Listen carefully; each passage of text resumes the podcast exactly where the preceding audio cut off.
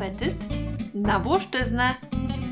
Subiektywny przewodnik po włoskiej kuchni i języku.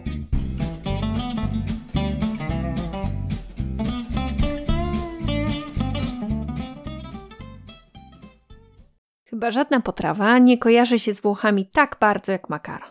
Znajduje to zresztą odzwierciedlenie w języku polskim.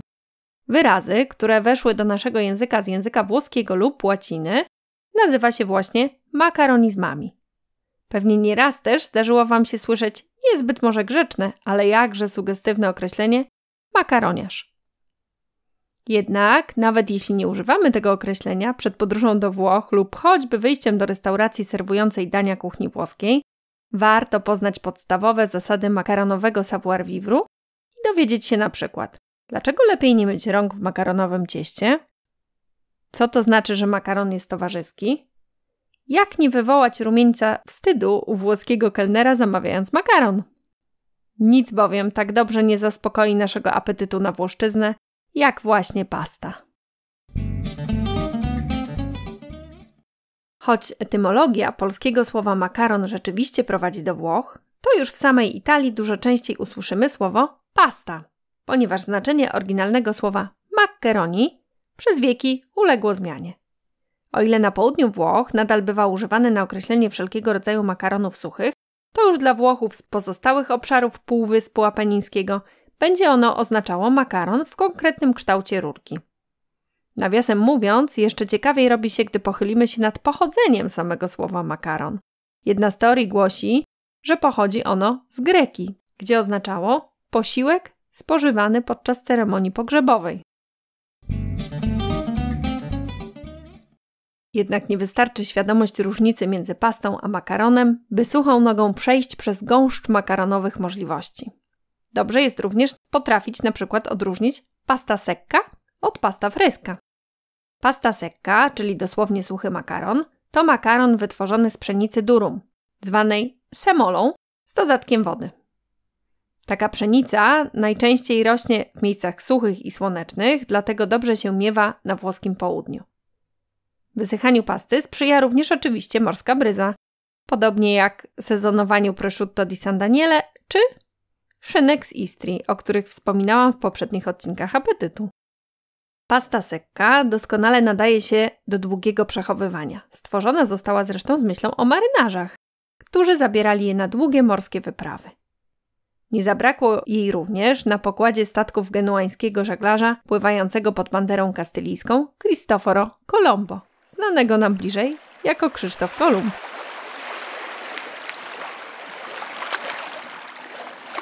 Zdecydowanie mniej na odkrywcze ekspedycje nadaje się natomiast pasta fresca, czyli świeży makaron domowy, który robi się z dodatkiem jaj, pszenicy, zwanej miękką. W przeciwieństwie do twardej pszenicy durum, ten rodzaj makaronu lepiej przyjął się na północy, gdzie trudniej o pszenicę durum, ale za to zdecydowanie łatwiej o świeże jaja. We Włoszech, ale często też w Polsce w marketach i sklepach specjalistycznych można kupić taką gotową pasta fresca. Znajdziecie ją w sklepowych lodówkach. Ale prawdziwą frajdę sprawia jej samodzielne przygotowanie. Moim zdaniem to jeden z najprzyjemniejszych sposobów na wykorzystanie mąki pszennej i jaj, które znajdziemy w większości polskich kuchni. Uwaga! Jeśli za bardzo zaangażujecie się w wyrabianie ciasta na makaron, możecie zostać posądzeni o niecne uczynki. Powiedzenie avere le mani in pasta, w dosłownym tłumaczeniu mieć ręce w cieście, oznacza bowiem być zaangażowanym w jakiś biznes, niekoniecznie całkowicie legalny. Pora podnieść nieco temperaturę tego odcinka. Po wybraniu rodzaju makaronu przystępujemy do jego gotowania. Oczywiście we wrzącej osolonej wodzie ważne są tutaj proporcje. Maksymalnie 100 g makaronu na litr wody. I tu musimy pamiętać, że makaron, podobnie jak większość Włochów, jest dość towarzyski i nie lubi zostawać sam. Jeśli wrzucicie go do garnka i zostawicie samego na czas wskazany przez producenta na opakowaniu, będzie mu smutno i nie odwdzięczy się Wam idealną sprężystością. Z dużym prawdopodobieństwem wyrazi swoje niezadowolenie surowymi, prawie chrupiącymi końcówkami i rozgotowaną, posklejaną kluchą w środku garnka. Zupełnie inaczej potoczy się ta relacja, jeśli dotrzymacie mu towarzystwa, powoli mieszając go w czasie gotowania i próbując, zanim jeszcze zadzwoni kuchenny timer, by uchwycić ten moment, w którym będzie naprawdę idealny i właśnie wtedy natychmiast go odcedzić. No właśnie. Idealny, czyli jaki? Zgodnie z włoską filozofią, makaron powinien być al dente, co dosłownie możemy przetłumaczyć jako na ząb, a w praktyce oznacza, że jest miękki na zewnątrz, ale pozostaje lekko twardawy w środku, więc nie rozpada się w ustach. Osobom przyzwyczajonym do polskich dań z makaronem taki makaron może się wydać wręcz niedogotowany. Wielu Włochów z kolei w Polsce narzeka na to, że często serwowany im jest makaron rozgotowany. Spotkałam się nawet z żartobliwym określeniem pasta alla polacca, czyli makaron po polsku, na taki właśnie dłużej gotowany makaron.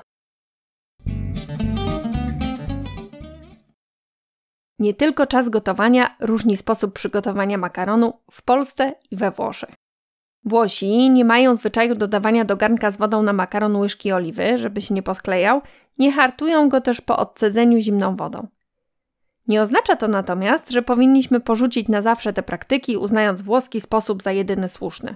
Jak być może pamiętacie z odcinka o niedzielnym obiedzie, Włosi jedzą makaron od razu po ugotowaniu i unikają pozostawiania go na kolejny dzień. Natomiast jeśli gotujecie akurat swojską krajankę na rosół na kolejne pół tygodnia, to hartowanie jej może być całkiem na miejscu. Ugotowany i odcedzony makaron mieszamy z sosem w dużej misce lub, na przykład w warunkach akademikowych, w garnku i dopiero wtedy nakładamy na talerze. Jest to może rozwiązanie mniej fotogeniczne niż popularne u nas nakładanie łyżki sosu na makaron już na talerzu, ale gwarantuje lepsze doznania smakowe. Minimalizujemy ryzyko raczenia się suchym makaronem pozbawionym sosu. Makaron można posypać tartym serem, np. pecorino lub parmezanem. Jednak nie zawsze będzie to mile widziane. Jeśli we włoskiej restauracji zamówicie makaron z rybą lub owocami morza, to sera nie dostaniecie. Zgodnie z włoską tradycją kulinarną, serów i ryb nigdy się nie łączy, podobnie jak po obiedzie nie pija się cappuccino. Jakie są tego przyczyny? Oczywiście, jak to zwykle bywa, teorii jest kilka, ale to już temat na zupełnie inną opowieść. Jesteśmy już coraz bliżej zaspokojenia naszego apetytu na włoszczyznę solidną porcją włoskiego makaronu. Zanim jednak nabierzemy na widelec pierwszy kęs, przyjrzyjmy się bliżej temu, co może się znaleźć na naszym talerzu. Rodzajów makaronu we Włoszech, zwłaszcza uwzględniając odmiany regionalne, jest bez liku. Te najpopularniejsze kształty dotarły również do naszych sklepów. Niekiedy zachowując włoskie nazwy, czasem przyjmując polskie odpowiedniki. Przeanalizujmy je więc nieco dokładniej. Wstążki są znane we Włoszech pod nazwą tagliatelle, od czasownika tagliare, czyli kroić, co wynika z tego, że najczęściej robi się je zwijając ciasto w rulon i krojąc na paski odpowiedniej grubości. To właśnie tagliatelle, a nie spaghetti, tradycyjnie podaje się z mięsnym sosem ragu w Bolonii. Spaghetti przyjęły się na całym świecie pod włoską nazwą pochodzącą od słowa spago, czyli sznurek. Nie muszę chyba objaśniać dlaczego. Ten rodzaj makaronu świetnie nadaje się do płynnych i kremowych sosów, jak znana nam już doskonale carbonara. Nie najlepiej natomiast sprawdzi się podczas pierwszej randki czy biznesowego lunchu, na który wybraliśmy się w białej koszuli. No chyba, że do perfekcji opanowaliśmy już sztukę nawijania długich nitek na widelec oparty o talerz. Właśnie o talerz, a nie o łyżkę, bo w tradycyjnej włoskiej restauracji nikt nam jej nie poda. Znane u nas jako kokardki farfalle dosłownie oznaczają motyle. Na marginesie to właśnie do motyla Włosi porównują noszoną najczęściej do garnituru muszkę. We Włoszech muszka to krawatta a farfalla, czyli krawat w kształcie motyla. Ciekawe swoją drogą, czemu ten element garderoby nam kojarzy się z dużo bardziej stonowanym kolorystycznie insektem. Farfalla to jedno z moich ulubionych włoskich słów. Makaronowych skojarzeń z fauną znajdziemy dużo więcej i obawiam się, że nie wszystkie będą apetyczne. Lumakę w kształcie krótkich zakrzywionych rurek to dosłownie ślimaki. Conchilie to muszelki, a vermicelli, przypominające nieco spaghetti, to ni mniej ni więcej tylko robaczki. Szczególnie mieć się na baczności powinniśmy natomiast zamawiając penne, oznaczające dosłownie pióra. Żeby nie doprowadzić do niepotrzebnie krępującej sytuacji, składając zamówienie u włoskiego kelnera, warto starannie wymówić podwójne N. Włosi wymawiają je mniej więcej jako N przedłużone. Słowo pene z N pojedynczym oznacza po prostu penisa. I w kontekście kulinarnym możecie go użyć tylko na własną odpowiedzialność.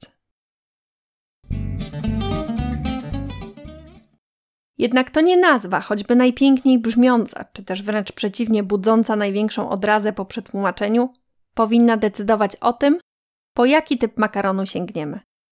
Kluczowy w tej kwestii powinien być rodzaj dodatków czy sosu. Po włosku condimento lub sugo, z którym pastę będziemy serwować. Wiemy już, że do kremowych i płynnych sosów najlepiej sprawdzą się długie nitki. Krótkie rurki idealnie natomiast poradzą sobie z sosem gęstym niejednorodnym, zawierającym kawałki mięsa lub warzyw. Wstążki różnej grubości zaleca się do sosów z mięsem mielonym lub owocami morza. Poza kształtem znaczenie ma również powierzchnia makaronu. Gładkie makarony są lepsze do sosów rzadszych i bardziej płynnych, natomiast te o pofałdowanej powierzchni lub bardziej skomplikowanym kształcie do tych niejednorodnych i gęstych. Oczywiście, wszystkie te reguły to tylko wskazówki. Osobiście uważam, że najlepszy rodzaj makaronu to ten, który aktualnie mam w domu. Najwyborniej smakuje w wariancie na winie, czyli z tego, co się nawinie. Najpyszniejsze pasty wychodzą mi zawsze tuż przed kolejnymi zakupami, kiedy w lodówce można znaleźć dwa, trzy dość przypadkowe składniki. Oczywiście zawsze zapominam uwiecznić te kulinarne odkrycia, w związku z czym nigdy nie udaje mi się ich później powtórzyć. Ale może właśnie na tym polega ich urok?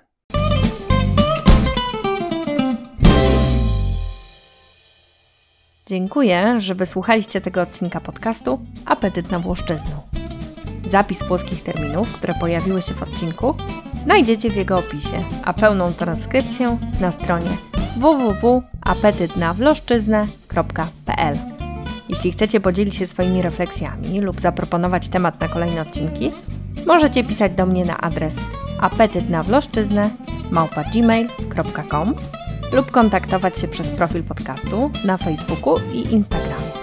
Jeśli podcast Wam się spodobał, nie zapomnijcie dodać go do obserwowanych i podzielić się nim ze znajomymi, którzy również mają apetyt na. Kolejny odcinek już za tydzień. Do usłyszenia, Karolina Iskierka.